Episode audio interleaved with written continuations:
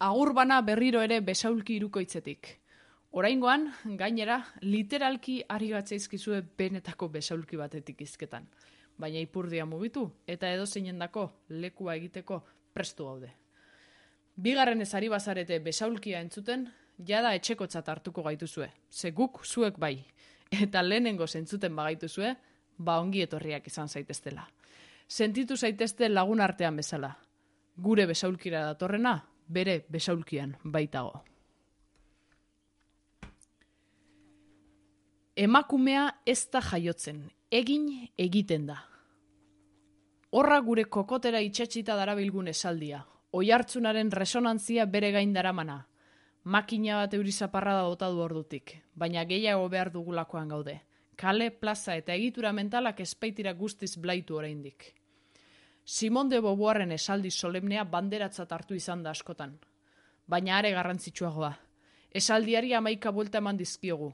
Ertz berriak bilatu eta kurba berriak sortu dizkiogu. Gure egin dugun beste, begiratu diogu distantziatik. Eta hemen gaude oraindik, zorionez, jira eta buelta, en alegre biribilketa batzuetan, tentsio artean bestetzuetan, absolutuetatik partikularrak astinduguran beti abisu eman genuen, eta bada espada, berriro ere emango dugu, askurak eragitera gatoz, aska egin araztera. Beraz, utzi diezai egun atzaskalei lusatzen, gure ezin egonak eta geldi egon ezinak zerbaitek arindu ditzan ere. Pausa bat eskaini nahi dugu gaurko programan ere. Gelditu eta pentsatzeko abagune bat, eztabaidatzeko aitzakia bat.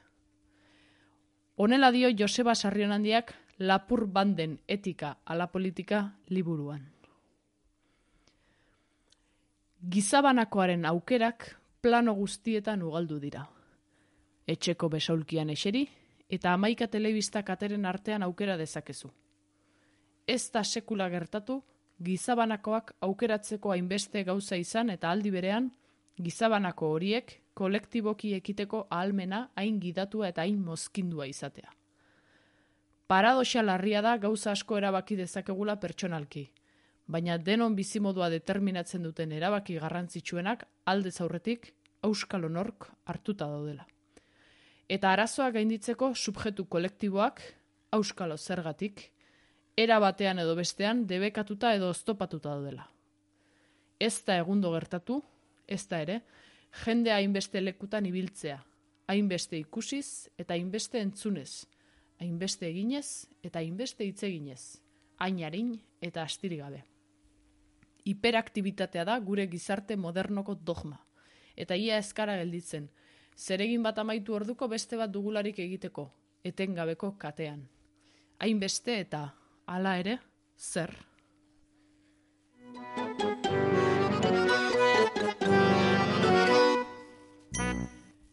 Generoaren irakurketa materialista proposatu eta aldarrikatu nahi dugu besaulkiaren bigarren saio honetan. Eta proposamen horretxekin gatoz, pausa horixe eskaintzera. Ez behar dugulako, patxadaz hitz egin, harinkeriak alde batera utzita.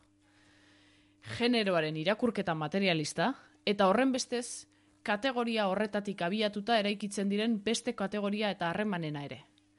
Esentziak alde batera utzita, errealitateko kategoriak erlazionalak direla ulertu behar dugu. Eraiki egiten direla, eta beraz, deseraikitzea ere posible dela.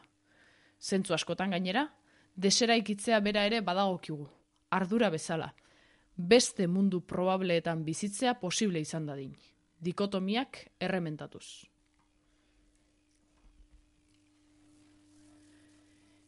Emakumea eta gizona ez dira esentziak, berezkoak, kategoria erlazionalak dira. Generoa eraikia dela onartu samar dago hainbat zirkulotan, feminismoak azken urteotan egin duen lan eskergari zor. Sakonerago joan beharrean gaude baina. Eraikiak diren rol, estereotipo eta jarreretatik aratago, sexua bera ere eraikuntza dela mai gaineratzera gatoz. Sexua ez da gure gorputzeko edota gure sikeko egia aldagaitzetan natural bat. Sexua bera ere, genero sistema oso baten baitako kategoria bat gehiago da. Identifikazio generikoak aldagarriak dira, testu inguru aldakorretan. Baina non dago idatzita arau hori? Nork dio, nork derrigortzen hau horrela pentsatzera? Entzun izan ditugu alakoak ere, hau da, nork derrigortzen gaitu benetan horrela pentsatzera. Fukolten gatik ikasi dugu, boterea ez dela agindu idatzi bat. Araua bera ere ez da esplizitua. Materiarekin eta besteekin ditugun harremanetatik sortzen da. Subjetibatua da.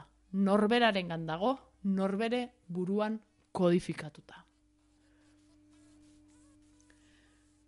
Kodifikazio hori lanaren banaketa sexuatuan ere ikusten da.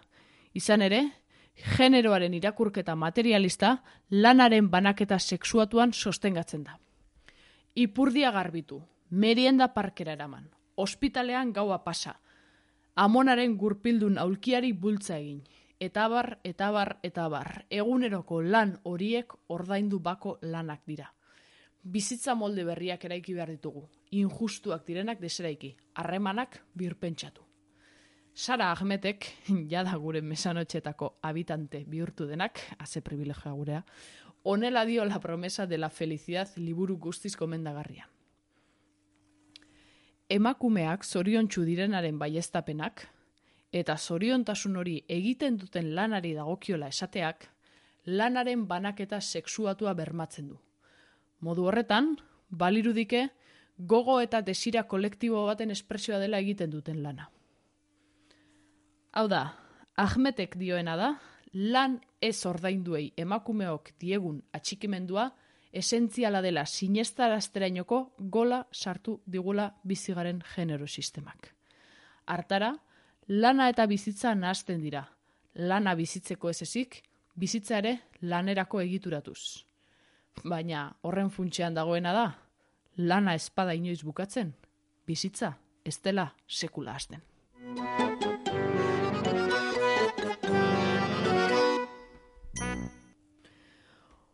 Hortzadar koloreko bandera hainbeste datu da, merkatuak ere bere egin duela azkenerako. Banderaren koloreak kaleko bankuetan, zebra izateari utzi dioten pasabidetan. Total, azkenean, gainetik pasa eta berriz zapaltzen jarraitzeko. Estradibariuseko eskaparatean eta Amazonen azken ofertan. Ez dugu ba esango banderaren, eta horren bestez kolektiboaren, edapena txartzat hartzen dugunik, esan gabe doa. Hala ere, bandera politizatu beharrean gaude. Zentzu bat eman, borroka batzuetara atxikitu, memoria historiko batekin lotu eta aurrera begira mundu koloretsuk happy flower, edo berroa batean esan da neutro batera baino, politizatutako kolektibo baten parte eginarazi.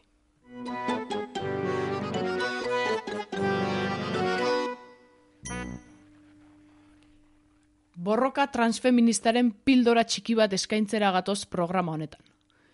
Heterosexualitatea egiturazko arau bezala ulertzen dugu. Dikotomiak sortu eta kapsula bitarretan egon arazten gaituena.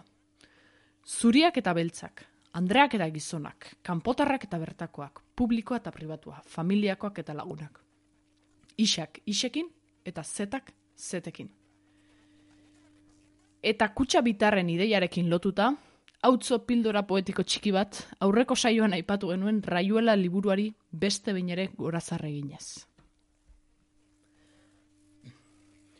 Los albañiles, los estudiantes, el clochard, la vendedora de lotería, cada grupo, cada uno en su caja de vidrio, pero que un viejo cayera bajo un auto y de inmediato abría una carrera general hacia el lugar del accidente, un vehemente cambio de impresiones, de críticas, disparidades y coincidencias hasta que empezara a llover otra vez y los albañiles se volvieran al mostrador, los estudiantes a su mesa, los X a los X y los Z a los Z. Beirazko kajak mila zatitan hautsi eta dikotomiak erretzera gatoz. R, aldarri bat bertsoz, emanaldiko lagunek egin nahi duten bezala. Bide batez, to, ikustera joateko gomendioa opari.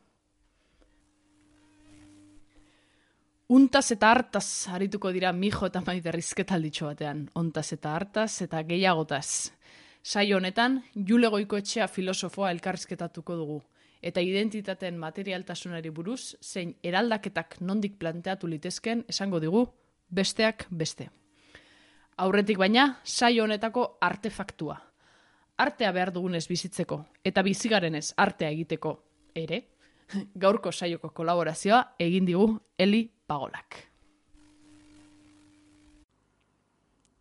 Askok bezela maizenik, aurrez galdetu bazenit, ez alnuen sentitzenik, gixakoren bat bazenik.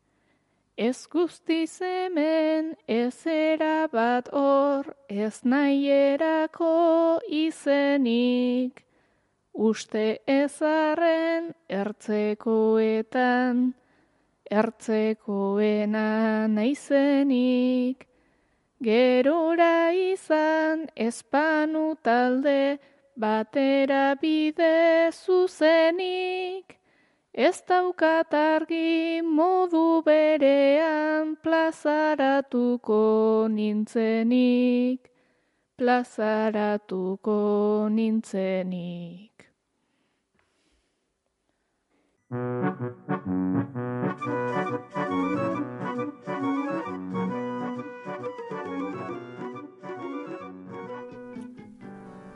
Bueno, Maider, ba, ber, gaur ganuen hitz egiteko. Pia bat puntu, batzuk Eh. aukeratu beharko ditugu. Baina, ez ez gehiagi dira. Vale. Hau, pasando, ez da. Pi, pi, pi. Eh, bai. Sartutza, hau golpeamen baten jo, hau agerture, hau pasando. Hori bai edo pasando. Kompleju ide. Komplejua. Ez da, ez da ondo Ez ulertuko. da sartuko. Ez da ondo ulertuko, hau bai. Zuk uste zu... Ah, bai, mesedes. Bai, bai, bai. Vale, esentzialismo biologikotik psikologikora. Vale. A ber, hau berez guapo dago, eh, como feminismo liberalekiko Kritika bezala. kritika bezala, bai. Bai. Bai, zei bastante jende dago pizka gaizki ulertu duena generoa de- dekonstruitzearena. Bai, bai, bai. Totalmente. Egia da sexua ez dela gure gorputzean dagoen egi biologiko bat, baina ez da ere gure barruan dagoen da deskubritu behar dugun egi bat. Bai. Bai, eske kontua jendeak de repente bai ulertu duela eh, sexual, bueno, sexua edo generoa ez daudela lotuta genitalekin, baina orain ematen du eh, ba, barruan daukagula nik ez dakize hostia. Gure, Gure- sentimenduei lotuta. Bai, zerbait ez direnak organoak, ezurrak, Ez ez beste zerbait, beste zerbait. beste zerbait. Egi intimo eskutu bat. Hola, pixkat platoniko. Bai, bai, ia, ia. Bai. Eta hori, como sexuaren eh, ulerkera hori ez da bat ere erabilgarria.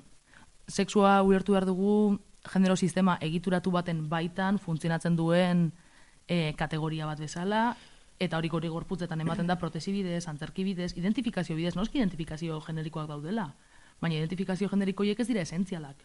Aldatu Claro. inguruak da zure identifikazio nahi hoiek aldatuko dira. Bai. Eta ez dakit, osea, kendo emakumeak eta abergizonak existitzen diren. Ez ez dauka zentzurik. Total. Ez que harreman binario horretatik kanpo ez dauka zentzurik. Bai, eske gainera, oso, badirudi, e, sexu psikologiko eta subjetibo horrek egiten duela e, aukera libre bat izatea, gizona izatea, emakume izatea, gauza guzti horiek izatea. Sexu ez da psikologiko bat, hau da, gustora dagoena emakume izatearekin ez dago gustura bere barnean dagoen identitate batekin, baizik eta gustora dago sistema baten duen lekuarekin. Bai.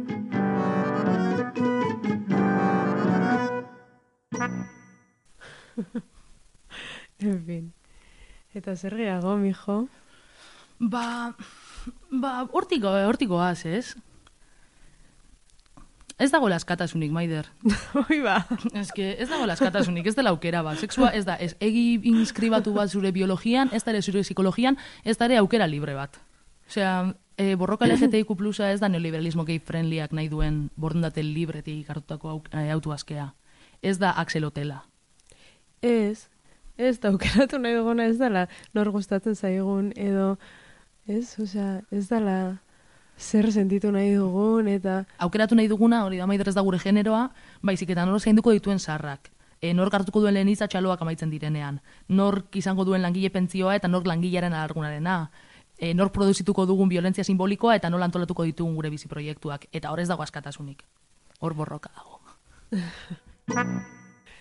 Bai, borroka dago eta nik uste dut e, garrantzitsu dela azpimarratzea transfeminismoa ez datorrela bakarrik sexuari eta generoari e, referentzia egitera edo bakarrik hor da, osea, horren inguruan borrokatzera ez, osea, nik uste dut e, hor dagoela aspirazio, oro hartzaiago bat eta ez da iraultza bat e, guzti salbatuko gaituena eta ez da ba ez dakit, ez da paradisuaren promesa hori ez, baina Mhm. badela transfeminismoa borroka bat ba, aldatu nahi dituena ez dakit. Lanaren esparrua, identidadeak, ez bakarrik identidade sexuala baizik. Ba, etnia, raza eta e, identidade Klase, guzti bai, hauek, bai. klase, osea, e, uste dut aztu egiten zaigula transfeminismoa dela proposamen oro hartzaileat eta badiru diela batzuetan dela hor ertzeko lau monigoteren borroka bat datorrena bakarrik partxe bat jartzera beste borroka guztiei edo inkluso kapitalismoari partxe bat jartzera datorren borroka bat izango alitze zela eta ez, osea, ez, ez gatoz partxe bat jartzera Den aldatzera gatoz. bai, Eta den aldatzera berriro ere, hori, como, ikuspuntu hortatik, jakinda gure borroka partziala dela, jakinda gure borroka kokatua dela, jakinda ez dugula en, iraultza handirik egingo, baina bai gerra eman heterosexualitatearen aurrean agertzen zaigun lekuetan. Eta askoz ere ilusionante gogoite zaigu hori, e, handina jametzak, baino nola baita. bai, sin más, eta gero gara lau pringada eta ez dugu masari batuko, ze proposatzen duguna benetan da radikala eta ba, jendeak ez du nahi. Baina ez dugu masari batuko proposamen oro hartzaile bezala, baina bai simbionte bezala, beste batzuekin nahaztuta. Nik simbiontea zer den, Ja, ez, ja. oraindik ez dut ondo ulertzen. Ni petardia nabil gai horrekin, baina kolaborazioan esango dugu.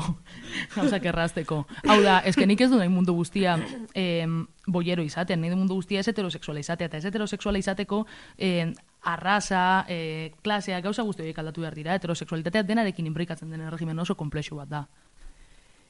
Bai, eta heterosexualitateak hori dikotomiekin dauka zerrikusi handiagoa gizo, eh, ez dakit, eh, gizonak edo emakumeak zarenekin baino. beziratzearekin baino. Bai, dikotomiekin eta gainera, osea, kontrako dikotomiekin eta botere harremanetan dauden dikotomiekin dauka zerrikusia. Orduan, sistema heterosexuela apurtu nahi dugunean, ez dugu bakarrik gizon eta emakumeen arteko botere harremana apurtu nahi. Mhm. apurtu nahi dugu zurien eta zuriak ez direnen arteko Bai. botere harremana, e, apurtu nahi dugu natura, kultura, bereizketa, apurtu nahi ditugu Kapazitatu eta aniztasun funtzionaldun bai, hai- horien arteko mugak. bai, e, heterosexualidaderen kritika ez da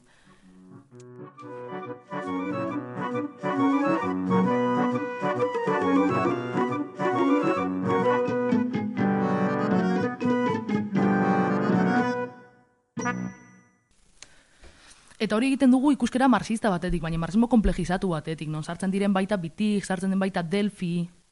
E, ez, ba, ez badugu uste komunismoa, sexualitateak askatasunez eta errespetuz bizitzeko lekua izan behar denik, baizik eta e, heterosexualitateak kritikatuko duen leku bat izango dela. Ulertuko duela genero sistema e, zerbait materiala bezala eta materialitate horren inguruan e, identitateak harreman oso komplexu batzuen ondori izango direla eta ez lehen gai imutable eta historiko bat gizonak eta emakumeak hoiek egongo balira bezala adan eta ebatik.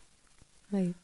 Bitijek adibidez hartzen du e, Marx eta Engelsek egiten duten klase borrokaren Eskema, teorizazioa. Bai. Ba, bitijek hori hartzen du generoa hitz egiteko. emakume, osea, emakumetasuna edo gizontasuna suntzitzen den momentuan, ja bestea ez da existituko. Eta ja sistema hau ez da existituko eta guztiz birpentsatu beharko dira gauzak, eta ez bakarrik, e, ez dakit, nola esan, generoarekin lotutakoak. Osea, guztiz pentsatu behar da, adibidez, e, sistema ekonomiko guztia.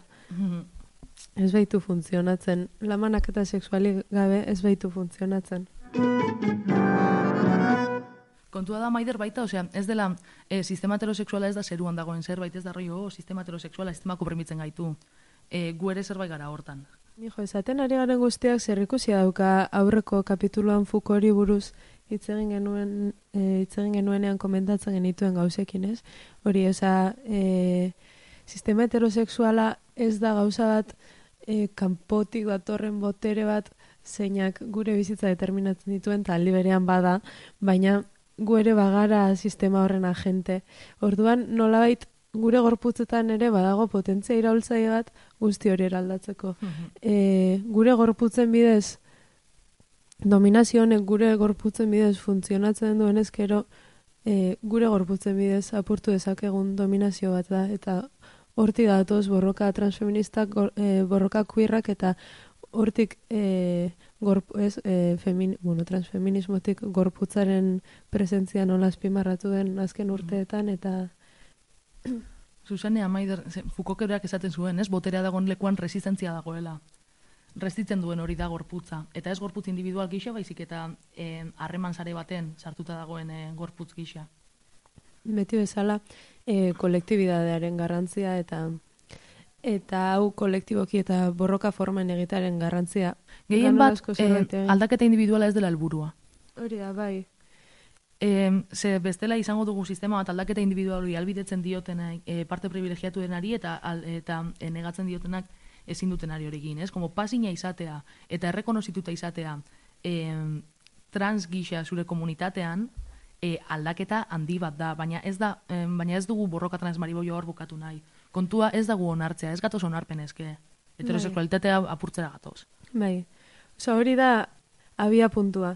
Baina ez da helburua, eta askotan helburutzat hartzen da, ez? Osa, ja, pertsona bat onartua izan delako bere kuadrian, e, badirudi bukatu dela borroka. Ez, Mhm. eske, eske hori ez da helburua, hori da abia puntua. Bai, bai, guztiz, Baina helburua da kuadria oso aldatzea. guztiz. Kuadria osoa, kuadria horren plana, kuadria horrek, e, ez dakit. Hogeta hamar urterekin kuadriako denak eskonduta egongo dira eta pertsona hori hor non dagoen, osea, e, Bai, eskonduta aurrak izaten, morlako zirkuitotan. Eta zentzu hortan ere esan nahi dugu, em, bueno, e, balakoek aipatu zuten bezala, ez, e, Euskal Herriko jardunaldi feministetan, e, laguntasuna transfeminismorentzako, e, borrokakurrarentzako gai zentrala dela. E, ez delako horren beste e, norekin liatzen zaren, baizik eta zeharreman mota eratzen dituzun. Eta norekin liatzen zaren horrek preferentziak asko goratzen digu hain heterosexuala den instituzio familiarrari. Familia berriak eraikin ditugu, bizkandona jara oinerara, beste parentesko batzuk egin. Eta beste parentesko horretan garrantzi zentrala ikusten diogu lagunekin egiteari. Lagun gizaki eta ez gizaki egin.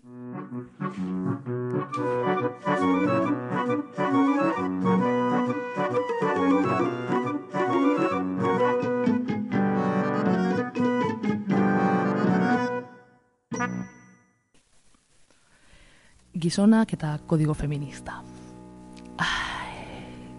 Ze gai sakona, ez? Interesgarria iruditzen zait, benetan. Azkenean nik uste dut feminismoak den hori afektatzen digun zerbait dela. Eta, bueno, nik aliatu bat kontsideratzen naiz, nik negar egiten dut. Nik, nik ere bai, bai batzuetan bai. Eta atzo fregago egin nuen.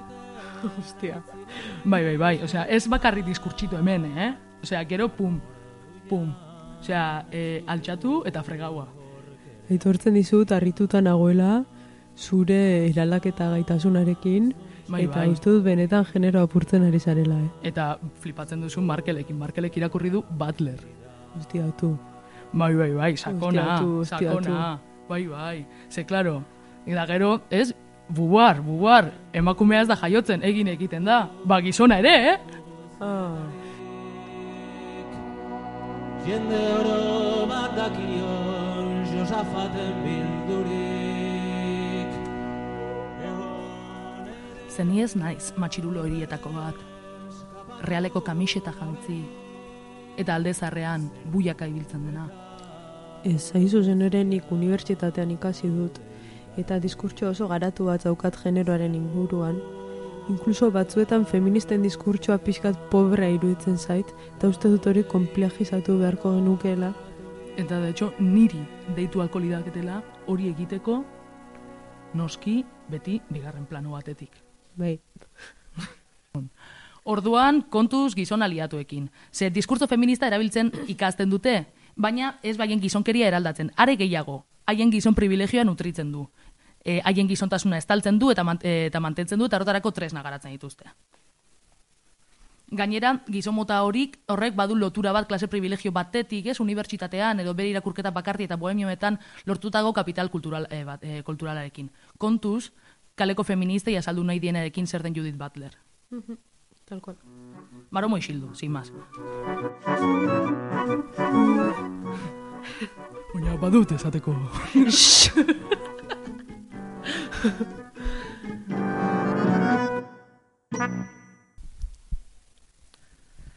Mijo, bueno, orain ja puntu honetara iritsita, galdera sakon bat egin behar dizut. Zergatik dio jendeak lesbianak ez garela emakumeak. maider galdera sakonago bat egingo dizut. Zergatik dio jenteak lesbianak emakumeak garela. Ai, Nik ez dute onartzen ikertxuren prestigioa. Ez dut foiatzen ikertxurekin. Naiz eskonduko, ez ditut aurrik izango. Ez dut nahi guapa izan nahi entzako. Asko ere komplejoago da, eh? Honekin esan nahi duguna ez da... Eh, bai, adibidez, ni pixkat ba naiz emakumea. bai, deno gara pixka bat emakumeak. Nola ez, magizima zarenean, tabernan, kafe bat eskatzen, dalbuan baromoa, Bai, kafe bat. Bai, zimaz, osea, gizonekin ez foiatzeak ez du esan nahi beste testu inguru batzutan gizonen azpitiko katzen ez garenik, da etxo askotan nik nire burua ikusten dut gizona konplazitzen, eta ez du zergatik ez du berarekin txortan egin nahi, baina bueno, ez da hori, ez, Ez da hori bakarrik. Ez da hori heterosexualidadeak dakarren privilegio bakarra.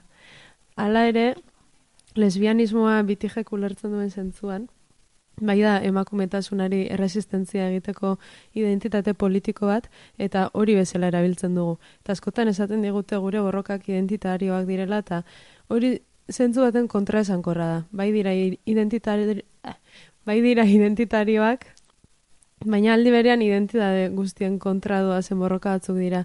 Identidadien identidadeen esentzialtasuna apurtu nahi duten borrokak dira, eta identidade berriak sortzen dira hain zuzen esentzialak, ustez esentzialak diren horiek zalantzan jartzeko eta apurtzeko. Kontua da, emakume hitza erabiliko dugula estrategikoa denean gure borrokentzat. Emakume deituko gara abortuaren aurka borrokatzeko. Edizioko mijo naiz, abortuaren alde nahi nuen, hau errata bat da. Emakume deituko gara e, maromo ekiltzen dituzten guztiak aldarrikatzeko. Ze gure helburua ez da emakumeak goraipatzea, ez da ere boiera goraipatzea, baina behar dugu emakume kategoria azaltzeko nola urtean gure, osea, gure ekipoko eun hiltzen diren maromoen ekipoko eunek neskutan. Emakume kategoria erabiltzen dugu, gizonen subalterno gisa. Baina gure taldea kategoria hori gainditzen duten gorputze resistentes osatuta dago. Gure ekipokoak gara, marikak, reinonak, transak, pornopunkak, bollera kamionerak, produzin jender eta abar eta abar. Bai, eta emakume hitza estrategikoki erabiliko dugun moduan helburu politikoen arabera boiera hitza ere estrategikoki erabiltzen dugu. Ez, ga, ez gara ari aldarrikatzen neskekin txortan egiten dugula eta horregatik berezia garela eta gure bizibilizazioa e, Beharrezkoa dela edo honek denetik askatzen zaituenik. hori da, ez, ez gara hori aldarrikatzen ari. Ari gara aldarrikatzen norabide bat, boierismoa deitzen duguna, eta norabide bat emakume deitzen zaion zapalkuntza horretatik ies egiteko. Eta hori da aldarrikatzen ari garena. Eta ez da inbeste identitate bat betirako nahi duguna edo ez iritsiko alitz eguna e, emakumetasuna existituko, existituko ez litzatekena boierismoak ez luke zentzurik izango. Mhm. Boiera emakumeari erantzun bat da, marika gizonari erantzun baten bezala, da transa guzti hau erantzun bat bezala. Gure identitateak ez dira existitzen. Identitate gizon emakume identitate absurdoak gabe. Gure borrokak klase borroka da. Gizon klasea eta emakume klasea apurtzeko borroka. Bombocla.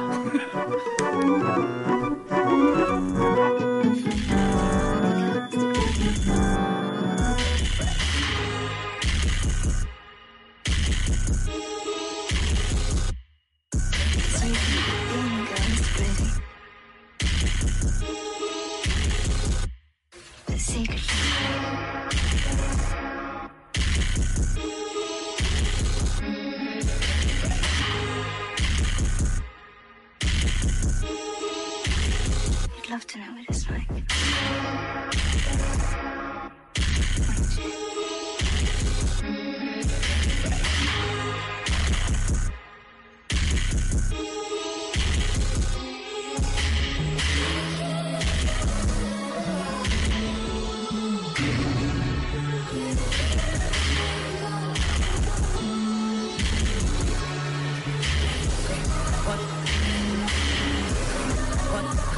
one, one, one, one, one,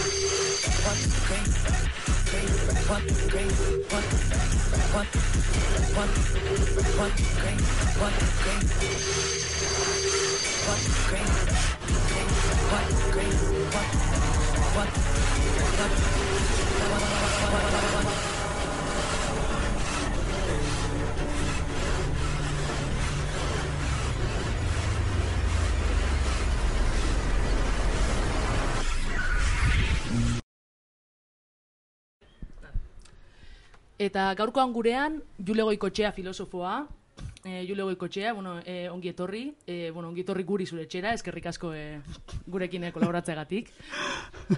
Mi esker, eh, plazer handiz.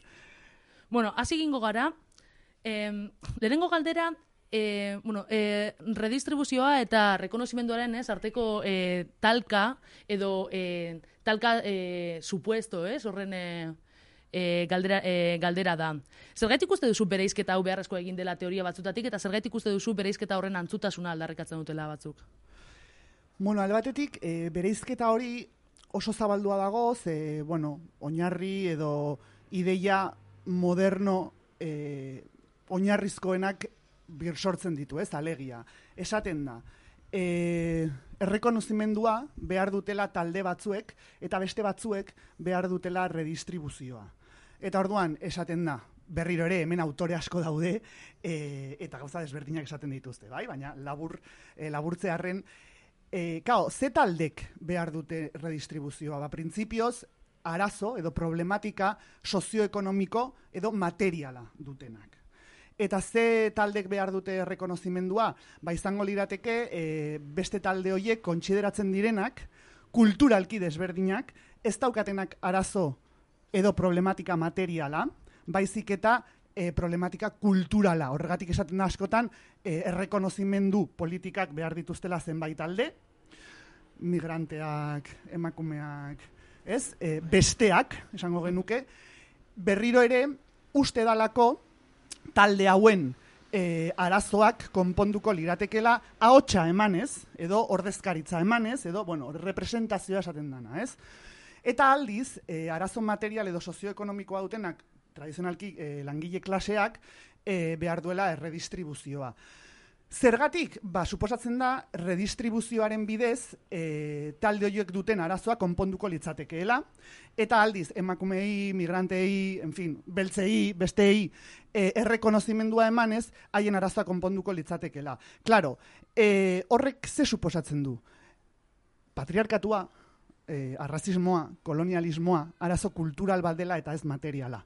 Alegia, emakume eta gizonen artekoa, diferentzia dela eta ez esplotazioa. Edo zurien eta beltzen arteko erlazioa e, e, diferentzia dela eta ez esplotazioa edo arazo material bat, ez sozioekonomikoa. Eta arduan berriro, karo, hau autore desberdinek era desberdinatan jorratzen dute, gaina ideologia desberdinetako e, autorek jorratzen dute edo bir sortzen dute esango genuke zatiketa hau, eta honek ze suposatzen du? Suposatzen du e, ulertzen dutela, e, berriro ere ez, emakume eta gizonak desberdinak direla, diferenteak direla, eta diferentzia hori gainera, baldintza egokietan, oza, ordezkaritza emanez eta abar, e, ospatu beharreko diferentzia bat dela, ez? Ospatu edo auspotu edo birsortu beharreko diferentzia bat.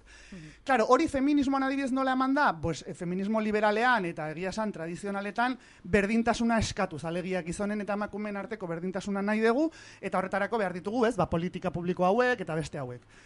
Zer gertatzen da, guk ez dugu nahi gizonen eta emakumeen arteko berdintasuna, baizik eta gizonak eta emakumeak desagertzea.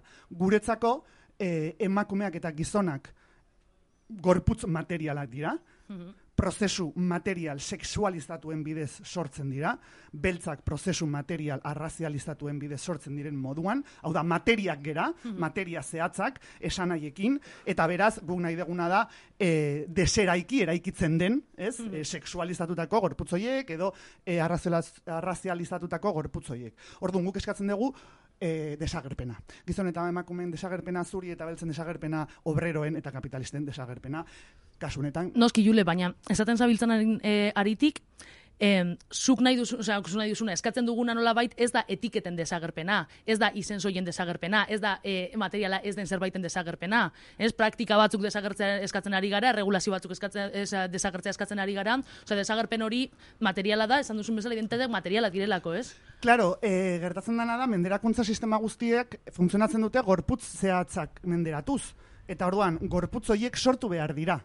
Eta gorputz horiek materialak dira. Beraz, emakumeak eta gizonak e, materialki sortzen diren sujetuak dira gizonak eta zuriak ere, eta beraz, patriarkatuarena ez da arazo kultural edo simboliko bat, ez da opresioa edo zentzu horretan, ez? Menderakuntza kulturalarekin erlazionatutako zerbait, hori idealismoak aldarrikatuko luke, alegia esan, ez, e, menderakuntza sistema bat ideia zehatz batzuetan oinarritzen dela, eta ez e, desoreka materialetan, ez, orduan gu materialista bezala eta neomaterialista bezala, esaten deguna da, berriro, ez, e, gizonak eta emakumeak produkzio materialak dira, produzitu egiten dira, eta dira patriarkatua e, birsortzeko oinarrizko kategoria, gorputz eta materiak. Orduan, desagerpena e, nahi dugu, klase sozialen arteko borrokaren bidez. Bale, orain aldatuko dugu pixkat gaia, eta pasako gara hitz egitera e, iraultzaren gaiari buruz, zure azkenengo estallidoz liburuaren arira. E, bueno, galdera hau da, e, sujeto hegemonikoak orain arte iraultza nola planteatu izan du? Ka, hor, em, berriro, lehenengo iraultza e, zer den, esan beharko genuke, edo nola e, jorratu dan. Iraultza desberdinak eduki ditugu egia da modernitateko kontzeptu badela, osea, aro modernoan edo aro kapitalistan garatzen den, e, edo aro ilustratuan garatzen den ideia badela, e, baina berriro iraultzak eduki ditugu iraultza burgesak, eduki ditugu iraultza e, komunistak edo sozialistak, e, ez, eta iraultza industriala edo ira- iraultza teknologikoa, ez, orduan. E, berriro ere, hor zer gertatzen da, iraultza batzuetan sujetu hegemonikoak izan direla batzuk, eta ez beste batzuk, e, hori alde batetik, ez? Errealitatean alegia zeintzuk azkenean e, e, lortu dute boterea, ez? Ze Frantziari iraultzan, de hecho, hasiera batean e, langileak hortzeuden, baina gero e, langileak ez dira izango sujeto hegemoniko hori, ez? Baizik eta burgesia. Orduan, zer esan nahi honekin? Sujeto hegemonikoa, e, berriro, sujeto hegemoniko desberdinak egon dira iraultzaren arabera, gero egia da, e, iraultzaren e, tradizionalki, ez? Eta ezkerretik kasu honetan. Pentsatu den formula, e, bai ulertzen zuela sujeto hegemonikoa era zehatz batean, eta errealitatean ze gertatzen zen sujeto hori sujeto politikoa izan behar zuela, ez, iraultzaren sujetoa izateko sujeto politikoa izan behar dezuela, eta horretarako sujetu desberdinak politizatu behar direla. Ze gertatu da? Bueno, politizazio horretan sujetu batzuk sartu direla, beste batzuk baino lehenago, osea, gizon e, zuriak lehenago, gizon zuri langileak e, lehenago, gizon beltza baino, e, edo emakumea baino, eta abar. Ko, e, kasu honetan ze gertatu da? Bueno, ba, iraultza askotan planteatu dela, ardatz edo menderakuntza ardatz batzuekiko, sujetu hegemoniko horri e, afektatzen zioten ardatz hoiekiko, ez? eta ez beste ardatz batzuekiko. Alegia, e, bere momentuan, ez? Edo inkluso orain, esaten dugu, iraultzaren parte bat izan behar du e, produkzio baliabideen sozializazioa, ez? Bai, baina kontua da, e, esaten duten moduan, ez? Antiarrazistek eta dekolonialek, arrazista e, kalean dagoela. e, edo feminismotik esaten den moduan matxista etxean daukazu. Orduan, Mhm. iraultza nola planteatzen da Ja. patriarkatuarekiko edo kolonialismoarekiko edo ez arrazaismoarekiko. Eta orduan hor, hor da, bueno, men, planteamendu berriak e, sartzerakoan e, proposamena da hortik jorratzea, alegia aztertzea, ze menderakuntza hartatz ezberdina dauden, e, eta horren arabera sortzea, bueno, ba, emantzipazio edo utopia berriak. Oso ondo, Jule. Horrekin jarraituz pixkat, sakonduko zenuke nola eraldatu behar dugun iraultzaren kontzeptua, edo nola nahi dugun guk ulertu iraultza orain arte ulertu denaren kontrara? Bale, hor e, berriro egon dira oso proposamen e, azken, e, ba hori ez, azken mendeetan eta azken hamarkadetan e, oso interesgarriak, oso gegarren mendean iraultzarekiko, eta orduan elementu asko hartu behar dira e, proposatutako, ja, mm, teoria, ez, iraultzaileetatik, baina egia da, e, bueno, jorratu behar ditugula eta landu behar ditugula zenbait aspektu, ez, adibidez nola egiten da iraultza familiarekiko, por ejemplo, ez. E, hau da adibide bat, oso zehatza zergatik. Honek erakusten digu, gau, materialitateak aldatzeko e, ere aldatu behar dituzula ez bakarrik ik, materialidade fisikoak ikusten direnak, baizik eta beste materialidade mota batzuk, eta hoie dira emozioak, osea, estruktura emozionalak, sentitzeko erak, pentsatzeko erak, ikusteko eta pertsibitzeko erak, ez? Eta e, horrek behar ditu mekanismo zehatz batzuk, Eta berriro, hor planteatu behar dela, e, planteatu behar dena, da, ez, da, ez bakarrik adibidez, imaginatu, ez? E, planteatuko dugu iraultza bat, eta gure, ez? E, komunidade berri hoietan, demagun, eraldaketa estrukturalak egoteko, ez? Ez dugu utziko, edo erregulatuko dugu, zer, ba adibidez, du, e, daukatenak, etxe bizitza berdinean ez bizitzea. Eta odolezko seme alabak dauzkatenek, etxe bizitza berdinean ez bizitzea. Eta orduan, zuk horri hor desplegatu behar dezu urban, osea, plan urbanistiko guztiz berriak, materialidade, espazioaren produkzio berri bat, bai, berriro, e, umeen edo ugaztunen produkzioarekiko, ez bakarrik plusbalia tradizionalarekiko, baizik eta guk kumeak produzitzen ditugu leku eta espazio e, zehatzetan, ez familia tradizionala, familia nuklearra zentzu horretan, ez gaina espazio zehatz batzuk dira, eta orduan familia izanik e, modernitatearen adelegia aro kapitalista liberalaren unitate minimoa, gobernatzeko gizartea, bai, ze hori da familia, unitate minimoa, gobernantzazko unitate minimoa eta esplotazioaren gunea, hori e, berriro horrekin apurtzeko aldatu behar alde batetikan esaten deguna, espazioa produzitu materialki bestera ba- batera, etxe bizitzak eta dena, ze orduan bestera batera bizi beharko ginateke, eta hori noski e, e, estatuak edo egitura publikoek edo e, egitura komunek edo autogestionatuek berdintzain nola ditu produzitu beharko lukete, eta horrekin batera aldatu behar da estruktura emozionala ikusteko eta pentsatzeko erak sentitzeko erak. Eta orduan pixkat, e, hortikan joan formula, ez, alegia hartu menderakuntza gune desberdinak, eta horrekiko, hoiekiko nola egin iraultza, nola egin eraldaketa estrukturala berriro esan nahi duela objetibizazio edo objektu eta subjetibizazio edo subjektu berriak sortzea. Bueno, Jule, baskertan dizu gaur eh, besaulkira etorri izana. Eh, ez da izan oso eh, elkarrezketa luzea, baina bai oso emankorra, eta usten dugu, eh, uste dugu, bueno, honek agian eh, ideia batzuk emango dituela, eh, kainake hogeita sortzi bueltan, ba, jenderoaren perspektiben inguruan, ez egiten diren irakurketak bizko berpentsatzeko, edo nola bait berrikusteko. Hori espero den mila mila esker gonbidan pentsoragarri honengatik.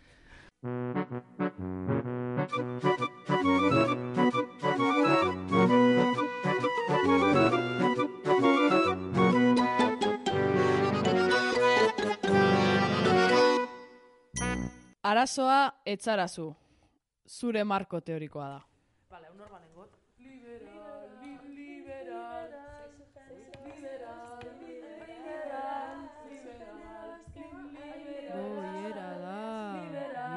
Bakarra.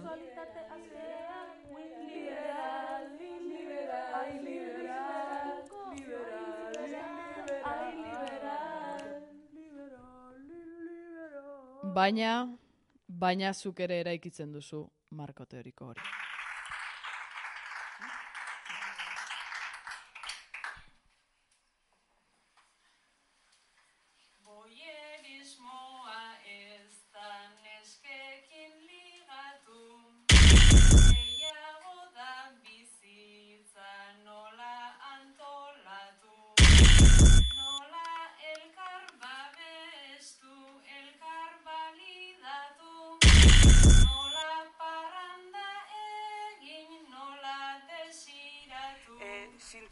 Dugu gure harremanek gure harremanak ez daudela heteroarauaren eredutik horren urrun, ez?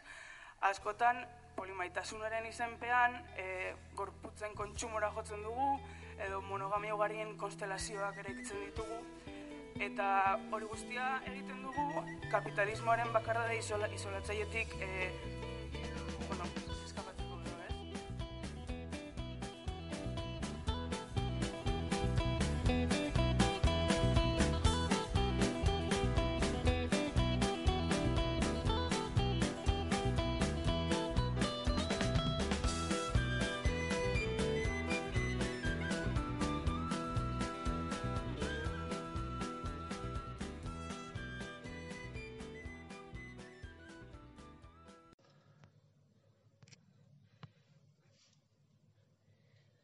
Inolako aldaketa politikorik ez dakarten bandera kolorinak kritikatu ditugu.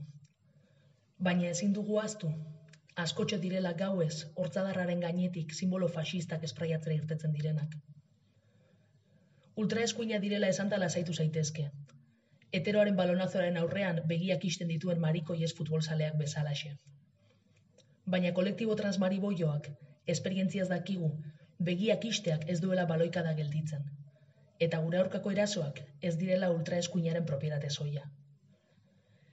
Zer esan jadanik feminismo ere ez denean etxe segurua? Ez da TERF? Trans Excluding Radical Feminist? Trans Excluding Radical Feminist? Nor uste duzu ezaretela? Ze zilegitasun politiko ematen dizue alutxo bat izateak?